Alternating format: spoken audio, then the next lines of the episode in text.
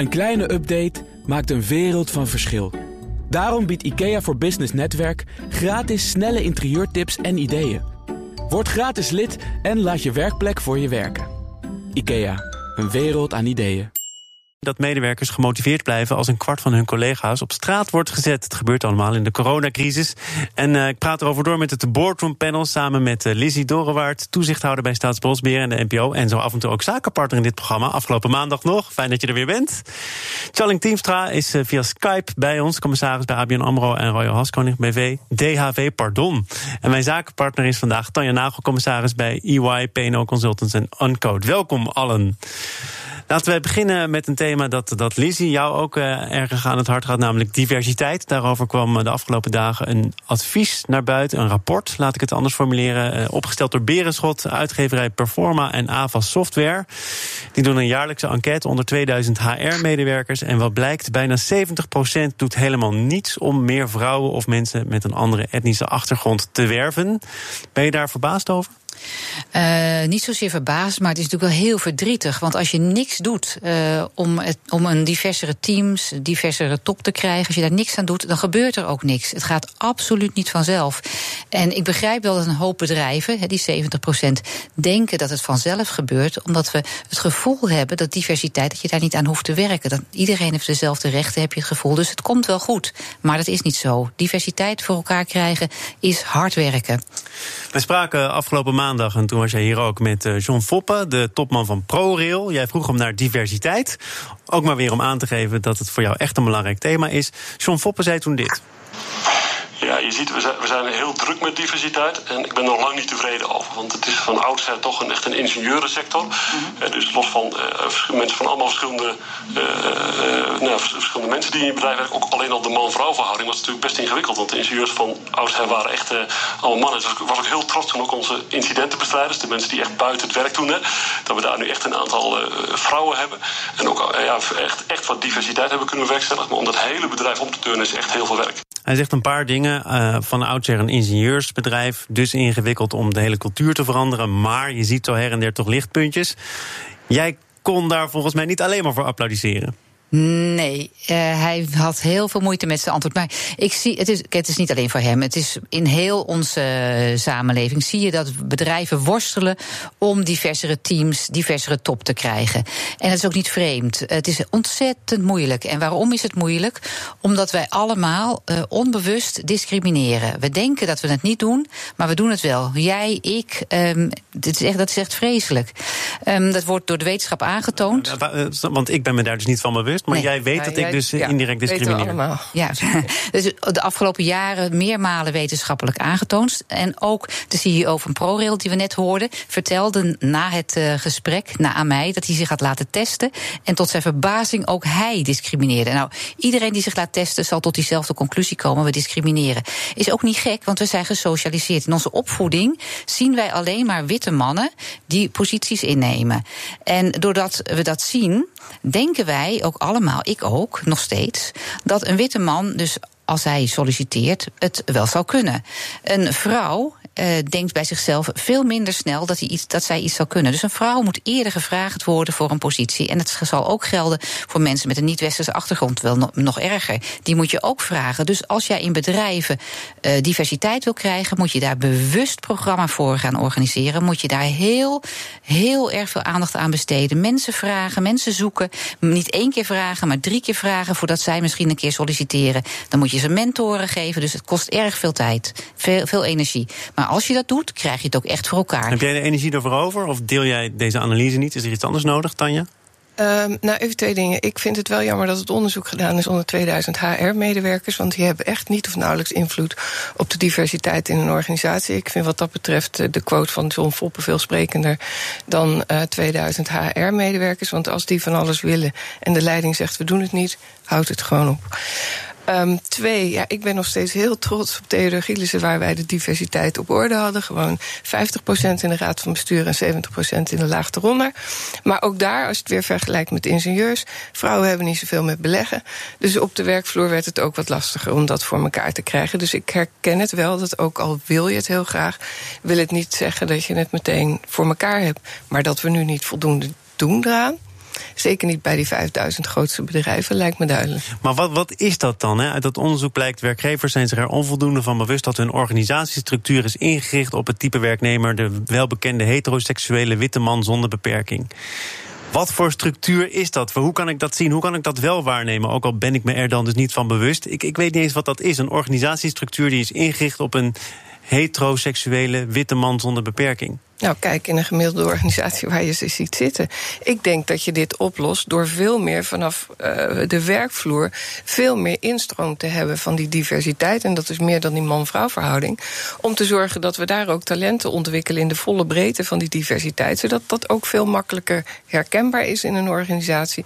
En dat die mensen ook veel eerder en makkelijker in aanmerking komen voor een promotie. Tot aan die bovenste lagen toe. Laten we naar uh, de witte man in het panel gaan. Charling, goedemiddag. Ja, goedemiddag uh, Thomas. Wil jij wat toevoegen aan de discussie zoals die zich nu uh, ontrolt? Nou ja, ik ben bijna blij dat ik niet in de studio ben, want ik weet niet zeker of ik het overleefd had. nou ja, Lizzie en Tanja zeggen natuurlijk hele verstandige dingen waar ik het alleen maar mee eens kan zijn. Ik had bij het voorbereiden op deze vraag ook, ook al gezegd: de meeste mensen hebben de neiging om meer open te staan voor mensen met wie ze zich qua achtergrond verwant denken te voelen. En daar begint het al mee dat je je dat bewust bent. Ik heb zelf een, een aantal keren in uh, recruteringssituaties. Waar je dan uh, denkt van nou, bepaalde mensen, en in dit geval vrouwen, god, het moet uitstekend geschikt zijn voor deze positie. En dan merk je toch, dan vraag je, goh, zou je dit willen doen? En dan komt het antwoord, ik denk dat ik dat niet kan. En dan ga ik, vroeger ging ik dan van nou oké, dan vraag ik iemand anders hè, als je dat niet denkt, want je moet wel het zelfvertrouwen hebben. Dus ik denk dat je heel erg bewust moet zijn voor het feit dat uh, mensen anders reageren op de, kunnen reageren vanuit hun culturele of, of, of genderachtergrond op uh, situaties dan dat jij dat zou doen. Ja, dat, dat kun je niet voldoende leren. Dat moet je echt bewust zijn. Ja. Dus vragen inderdaad, stimuleren. Maar ik wil nog één ding aan toevoegen. Dat is, het begint zo jong mogelijk. En ik denk dat dat ook met culturele diversiteit te maken heeft. We moeten in ons onderwijssysteem, in de manier waarop we mensen de kans geven zichzelf te ontwikkelen, moeten we, ja, uh, if you can't stand the heat, don't go in the kitchen. Hè? Het ligt niet alleen aan de kitchen, je moet ook tegen de heat kunnen. Maar wie moet dan tegen de heat kunnen in dit geval? Nou ja, het is een beetje als, als, als ik. Uh, ik ben op een bepaald moment ben ik in, in, in de board van Amnesty International in, in Londen gekomen als bestuurder.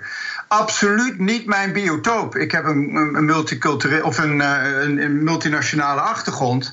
Ja, ik moest me echt aanpassen. Allerlei dingen niet zeggen, uh, allerlei andere dingen wel zeggen. Me beter voorbereiden op bepaalde dingen, bepaalde woorden niet gebruiken. Ja, ik kan het leuk vinden of niet, maar het moet van twee kanten komen. Mm. Deel je dat van twee kanten komen? Uh, ja, in een positievere zin. Um, van twee kanten komen. Je moet je bewust zijn dat, wat ik net al zei, dat je als vrouw ook uh, gesocialiseerd bent, dus opgevoed bent met het beeld dat mannen uh, dingen kunnen en vrouwen wat wat minder gauw in de picture zijn. He, zelfs iemand als Merkel, het is dan het is één, één iemand die dan een voorbeeld is dat je goed bent. Um, dus ik, moet, ik ben zelf ook heel erg geneigd om te, te, denken: oh, dat kan ik niet. Terwijl ik weet dat mannen eerder denken: oh, dat kan ik wel.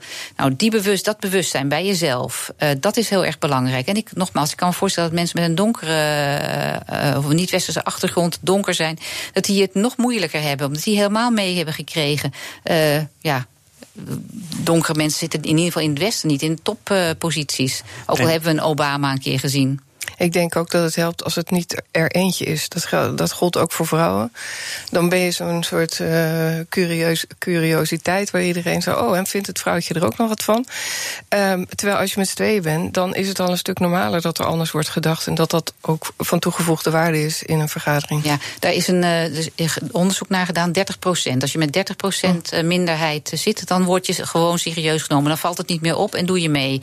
En zit je daaronder, dan blijf je die uitzondering... en word je ook al zit je er minder serieus genomen. Nou, dat is precies het percentage dat nu bijvoorbeeld Adidas noemt. Die hebben zich uitgesproken naar aanleiding van de antiracisme-opstanden eh, in, in Amerika. Die hebben ook gezegd: oké, wij keuren uh, wat er is gebeurd. Met George Floyd keuren we af, maar we moeten ook zeker naar binnen kijken. We kijken naar ons eigen personeelsbestand. En we komen tot de conclusie dat 30% van het nieuwe personeel in de VS zwart of met een Latijns-Amerikaanse achtergrond is. Dus dat zou ook dan binnen onze muren moeten gelden. Zijn dit soort acties acties die navolging verdienen? Ja, ik vind dat je als bedrijf doelen moet stellen. Zo'n 30 procent is een mooi doel, maar daar ook een programma op maakt. dat een programma met een. Met een moet je doelen stellen? Of moet je, want dat klinkt quotum, geduldig. Een quotum, okay. quotum kan je, dat is een doel. kan je stellen en wanneer je dat bereiken wil. Je haalt er een externe bij, want dit is iets wat je, wat je niet weet hoe je dit moet doen. Je haalt er een externe bij, je zorgt dat je een programma erop maakt en je monitort dat regelmatig. Of je op, op schema ligt. Maar je moet daar echt andere dingen voor doen dan dat je gewend bent. Want als we blijven doen wat we deden, dan verandert het nooit. Uh, dus dan, ja, in 100 jaar misschien. Maar he, verandert het niet snel. Eh, ik heb de afgelopen weken van meerdere mensen gehoord dat er in Nederland vrij weinig bedrijven waren die zich echt uitspraken uh, in deze discussie. Uh, nu weet ik dat ik misschien in een reclameval trap, maar de directeur van Tony Chocolonely is uh, vanochtend aangehouden omdat hij Gravity heeft aangebracht op de muur van de beurs van Berlage. Pieterszoon Koen is daarin gegraveerd en die man heeft een bedenkelijk verleden. ze hebben er overigens ook nog, vandaar de reclameval, een reep van Tony Chocolonely op de muur geschilderd. Charling, laat ik het aan jou vragen. Is dit een manier om aandacht te vragen voor deze kwestie? Nee, absoluut niet. Ik denk dat we, dat we ons als bedrijfsleven heel erg bewust moeten zijn van de pitfalls die net ook door, door Lizzie en Tanja en door mijzelf ook genoemd zijn. En dat we een hele open dialoog moeten hebben met de, de, de groepen die we aan willen spreken. Van hoe kunnen wij ons opener en ontvankelijker opstellen? Wat, wat zijn jullie zeg maar, cultural specialities waardoor we gewoon kunnen zorgen dat we die interactie, die communicatie uh, beter kunnen, uh, kunnen vormgeven? Zodat dat ook zij zich aan kunnen passen en kunnen trainen. Maar ook zeg maar, de ontvangende partij ook veel meer open moet staan voor de specifieke aspecten van de groepen die, die er op het ogenblik onder lijden dat ze niet voldoende aan de bak komen. Maar dat, dat, kunnen we allemaal wel concluderen. Maar we praten hierover omdat er een onderzoek naar buiten komt waaruit blijkt dat misschien niet aan de juiste mensen gevraagd, maar toch dit thema ergens onderaan het lijstje bungelt. Dus ja, alle, alle goede bedoelingen ten spijt gebeurt er gewoon heel weinig. Maar binnen, binnen een bedrijf, Thomas, speelt natuurlijk wel meer dan dit issue alleen. En zeker in deze tijd. En uh, is het, ben je toch, uh, is het hemd nader dan de rok, laten we even wel zijn. Okay, dus diversiteit is iets wat je doet als het goed gaat met je bedrijf? nou ja, laat ik zo zeggen. Op het moment dat je op het puntje van, van uh, faillissement staat of, of onder ernstige druk, hè, dan niet alle bedrijven kunnen hier op dezelfde manier mee omgaan. Maar wie weet is... hoeveel beter het was gegaan als de diversiteit al op orde was geweest voordat de crisis langskwam. Ja, Tanja, dat is een mooie hypothese. Nee, dat is maar, bewezen. Nou, dat gaat me nou te ver om daar een algemene conclusie op dit niveau uit te trekken. Nou, die, die conclusie die wordt misschien getrokken ook als je kijkt naar uh, landen met vrouwelijke leiders, hè, die die coronacrisis toch anders hebben aangepakt. Of bedoel je het op een andere ja, manier, Ja, dus je, je ziet dat, uh, dat, dat, dat staat zelfs al in de krant. Hè, dat er, nou, dan is het waar, toch? Nee, dat is niet waar. Maar er zijn onderzoeken geweest. Hè, dat, dan is, heb je meer uh, onderzoeken geweest waaruit blijkt dat in ieder geval diverse teams in de top uh, leiden tot betere resultaten. Het is niet, he, nog niet onomstotelijk bewezen. Mm. Maar er zijn uh, indicaties. En ook vrouwelijke beleggers bijvoorbeeld blijken het beter te doen. Dus er zijn regel, regelmatig indicaties dat het echt uh, slim is om een diverser team te hebben. Maar volgens mij stelde jij de vraag. Jij stelde de vraag eigenlijk, Thomas, van is het nou goed dat bedrijven zich uitspreken hiervoor? En toen nam je Tony Chocoloni als voorbeeld. Nou, daar denken we denk ik niet allemaal hetzelfde over. Maar je hierover uitspreken is denk ik iets waar, wat we wel degelijk kunnen onderschrijven. Ik zou het alleen niet zo fijn vinden als dan de leider van het bedrijf een strafbaar feit pleegt om, dat, om zich daarover te uiten.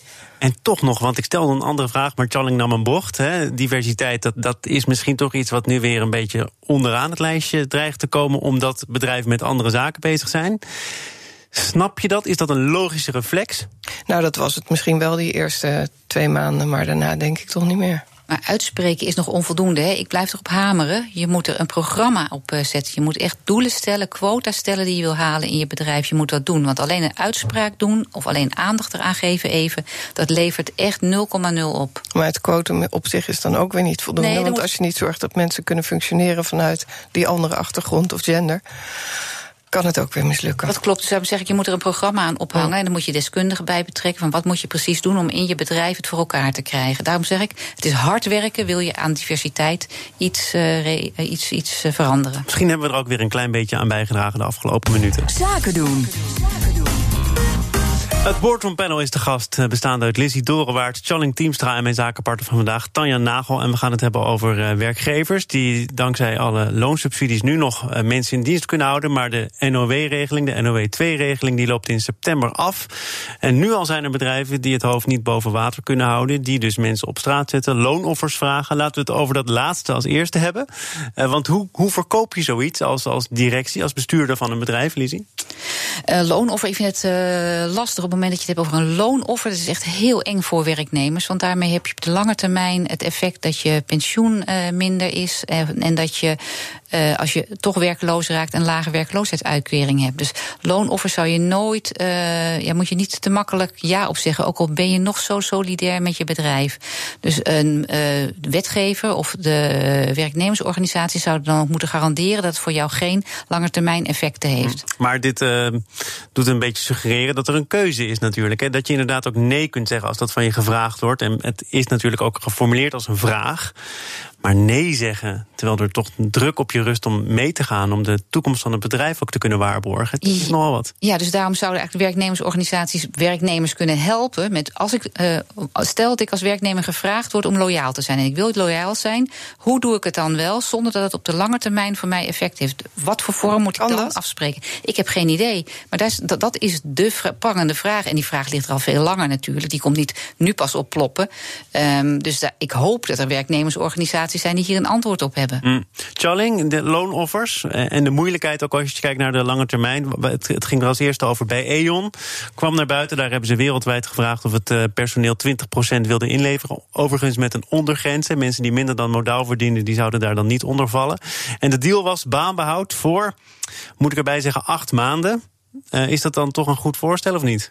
Nou, ik zou in ieder geval uh, uh, als, als werkgever uh, proberen te streven naar een situatie dat het geen loonoffer, maar loonuitstel is. En dat op het moment dat het bedrijf weer winst gaat maken of weer er boven water komt, dat je op de een of andere manier het ingegeven, in de inge, ingeleverde deel van het loon weer terug kunt geven. En wat ik bovendien heel belangrijk vind is dat het volstrekt ver gebeurt. Dus dat wil zeggen dat ik denk dat je als topmanagement waarschijnlijk meer moet inleveren, ook procentueel, dan uh, je vraagt van je medewerkers. En dat je op alle mogelijke manieren aangeeft dat, uh, dat dit een, uh, een, een, last resort idee is. Wat je zoveel mogelijk naar streeft om dat in de toekomst weer terug te geven. Tanja, wat zou jij fair vinden? Nou, ik ben het wel eens met uh, wat jullie beiden hebben gezegd. Het is heel lastig. Ik denk ook dat het in een kleinere organisatie misschien iets makkelijker gaat dan in een grote organisatie. Want dan is solidariteit ook wel een lastige vraag, denk ik. Ja, overigens uh, gaat het nu over een loonoffer. De AWVN, de werkgeversvereniging, heeft ook al gezegd... ja, wat er tot voor kort gedacht werd over stijgingen van cao's... en het verlengen van cao's, het opplussen van cao's... dat, moet je ook nog maar eens bezien. Het wordt een sobere tijd. Ehm, FNV hield overigens wel vast aan een loonstijging van 5% Zeker bij de supermarkt, want die hebben de afgelopen weken het goed gedaan. Dat zie je nu ook alweer een beetje afkalven. Maar um, is dat dan nog reëel of niet, uh, Lizzie? Nou, het is, het is natuurlijk ook politiek wat nu gaat uh, spelen. Maar ik vind er ook iets van rechtvaardigheid in. Kijk, daar waar nu gevraagd wordt om loonoffers of om een CAO minder te laten stijgen, laten we dan ook eens kijken wat doen we op het moment dat het beter gaat. Stel dat het over twee jaar echt weer booming is. Ik zou zo maar kunnen. Um, profiteren daar de werknemers dan ook van? Kijk, als dat zo is, dan ben je als werknemer natuurlijk ook bereid om misschien het eerste twee, eerste twee jaar om nu te zeggen van nou, neem een stapje terug. Ja, geven en nemen dus eigenlijk. Ja. Maar de, de, tweede deel, namelijk als het goed gaat, dan mee profiteren, dat zie je in de praktijk nog wat meer nee, gebeuren. Nee, wel bij de top. Dus wat mij betreft mogen ze bij de top ook beginnen met loonoffers. Maar even heel gechargeerd. Ja, moet, nou, dat is interessant. Zou de top inderdaad als eerste het goede voorbeeld moeten geven? Nou, die zouden in elk geval moeten beginnen. En ik ben het ook eens met Challing. Ik vind die verhalen van ja, maar bij mij is 10% veel meer dan bij jou. Ik denk ja, ha, er blijft ook veel meer over. Dus ik denk dat dat inderdaad ook meer zou moeten zijn. Um, maar misschien is dat ook wel de beweging die we nu krijgen. En ik, ik, misschien zou dat ook veel meer leiden tot cao's per bedrijf, waarin dat toch wat makkelijker is dan wanneer het voor een hele sector geldt. Waarin je dat soort afspraken. Ik merk ook dat uh, ondernemingsraden ook best bereid zijn om wat meer mee te denken hoe, hoe het uh, overlevingsplan eruit moet zien. Soms is om te overleven zo'n loonoffer niet genoeg. Dat zie je bijvoorbeeld bij postillonhotels. Daar gaan 110 van de 350 werknemers eruit. Bij Corendon staan 100 banen op de tocht in verschillende fases. Challing, als die fase aanbreekt, hoe, hoe pak je dat dan aan als bestuurder, als directie van een groot bedrijf? Nou ja, je kijkt natuurlijk, uh, je moet je realiseren dat als je mensen ontslaat, dat je ook wanneer de, de boel weer beter wordt, uh, misschien op de verkeerde plek staat met te weinig mensen. Dus um, dat is niet een, een, een beslissing die je licht neemt. Uh, wederom, je, je moet, uh, dit kunt ik ook maar alleen maar doen als je echt iedereen kunt overtuigen dat dit de laatste mogelijkheid is en dat je geen andere kans hebt. Want je snijdt jezelf ook behoorlijk in je, in, in je vlees als je dit doet als bedrijf. Want je moet al die mensen zijn allemaal opgeleid, zijn allemaal in principe gemotiveerd voor jouw onderneming, uh, hebben jouw cultuur als onderneming. daar verlies je enorm veel mee. Dus hm. ik denk dat geen enkele stap daar licht genomen wordt. Maar, maar jij zegt je moet het alleen doen als dit het laatste is wat je overeind kunt houden. Zie jij in de praktijk vaak gebeuren dat het wel heel erg makkelijk een instrument is om van mensen af te komen dan? Zonder dat het per se nodig is? Dit is nooit makkelijk. En, en wederom, dit is ook erg branchegerelateerd. Maar ik kan me voorstellen dat als jij een reisbureau bent of whatever. en je mensen zitten de hele dag niks te doen. en je kan ze niet meer betalen, want je hebt geen inkomen. dan heb je toch geen, kan, geen andere mogelijkheid. Dat snap ik. Eh, overigens, ik wil nog even terugkomen op, op postillonhotels. Want daar, daar, las ik een bericht over, ook van de directeur, Erik Jan Ginjaar. Die was hier een maand geleden nog te gast. En toen had hij nog enige hoop. Maar wat ik niet wist, is wat hij zegt. We moeten wettelijk mensen 26 weken lang terugnemen als het beter gaat. Is dat zo? Dat weet ik niet, echt gezegd. Nou, vond, ik, vond, ik, vond ik interessant. Als hij het zegt, zal want, dat, want, dat betekent dus inderdaad wat, wat gebeurt, wat, wat, jij eigenlijk zegt. Als het slecht gaat, dan, dan voel je dat. Maar als het beter gaat, dan moet je dat dus ook voelen in de zin dat je weer terug kan komen. Dat je weer terug kan komen als eerste. Dat zou prachtig zijn. Ik vind, zou het fijn vinden als we deze afspraak met elkaar gemaakt hebben. Hij past ook wel in Nederland, toch? Ja. Hoe zou jij het doen? Want het gaat hier over, over 100 mensen, over uh, nog meer dan 100 mensen. Uh, als, het, als het in zulke grote getalen gaat, hoe, hoe, hoe doe je dat op de werkvloer? Je hebt het nu tegen mij, hè, Lissy. Um, ja, weet je, Tjalling zegt het al, je doet het niet licht. Dus het is echt het is heel verdrietig als je mensen moet ontslaan. Dus je moet ook die menselijke maat moet je ook echt, echt op het netvlies hebben staan. Zorg dat je met mensen uh, praat, ook individueel, zelfs nu in deze periode. Bel ze op zijn minst op. Zorg dat je uh, aangeeft dat het je dat niet licht is wat je doet. Dat je, dat je het heel erg uh, erg vindt, maar dat je het niet anders kan. En met die regeling, van die 26 weken die je net zei, ja. is dat nog een lichtpuntje wat je kan geven. Maar de werknemer heeft er het meeste aan als het bedrijf blijft bestaan en hij ook een goede werkloosheidsuitkering krijgt. Dus hij heeft er meer aan, denk dan dat hij ontslagen wordt nu, dan dat hij eerst een loonoffer heeft, waardoor hij lager, later een lagere uitkering krijgt als hij alsnog ontslagen zou worden. Dus ik, als als, als, ik, we hebben ook wel bedrijven geleid. Op het moment dat je een bedrijf leidt en je grijpt te laat in, je gaat te laat mensen ontslaan, dan heb je echt een groot probleem. Ja, die paar keer dat ik ermee te maken heb gehad, heb ik gemerkt dat eigenlijk het al veel, heel ver daarvoor al begint met duidelijkheid creëren over hoe het bedrijf ervoor staat. Communiceren naar de hele organisatie toe. Want je hebt ook te maken met mensen die achterblijven. Die in eerste instantie gevreesd hebben voor hun baan, dan een soort van opgelucht zijn dat ze mogen blijven. En vervolgens in een soort rouwproces terechtkomen, omdat ze allemaal collega's missen. En ook nog eens keihard moeten werken, want meestal moeten ze gewoon het werk doen van de rest dat vertrokken is. Dus um, je, je, aandacht gaat naar twee kanten. Het, het, zijn de mensen die vertrokken zijn, zoals Lizzie omschrijft. Maar het zit er natuurlijk ook in hoe zorg ik dat ik die motivatie bij de mensen die zijn gebleven, weer zo snel mogelijk op peil krijg. Maar die mensen zijn dus niet uh, in de eerste plaats gemotiveerd omdat ze er nog zijn. Nee, ze zijn eigenlijk ook nog voor een lange duur aan het rouwen. Nou, ze zijn aan het rouwen en ze maken zich nog steeds zorgen, want waarschijnlijk is nog niet de kou uit de lucht. Um, en het bedrijf ziet er gewoon heel anders uit, want met veel minder collega's. Dus daar moet je echt enorm veel aandacht voor hebben. Mijn aandacht voor jullie was onbegrensd. Hoewel, eh, dat is niet helemaal waar, want er is toch een einde aangekomen. Dank voor jullie komst, dat zeg ik tegen Lizzie Dorenwaard... Eh, toezichthouder bij Staatsbosbeheer en de NPO. Charling Teamstra, commissaris bij ABN AMRO... Royal Haskoning DHV, van een afstandje. Witte man, ik hoop toch dat je nog durft te komen de volgende keer, Charling. En mijn zakenpartner van vandaag is Tanja Nagel... commissaris bij EY, PNO Consultants en Uncode. Dankjewel. Dank je, graag gedaan. Morgen dan is er weer een BNR Zaken doen. Dan is Karen van de Boom te gast. Zij is de directeur van Sixt Benelux, de autoverhuur markt krijgt ook harde klappen. En toch ziet Sixt mogelijkheden en daarom investeert het bedrijf in nieuwe diensten. Morgen meer in BNR Zaken doen. Zometeen eerst Nieuwsroom, onze dagelijkse podcast van het FD en BNR. Gepresenteerd door Paulien Wuster. Veel plezier, tot morgen. Als ondernemer hoef je niet te besparen op je werkplek. Want IKEA voor Business Netwerk biedt korting op verschillende IKEA-producten. Word gratis lid en laat je werkplek voor je werken. IKEA, een wereld aan ideeën.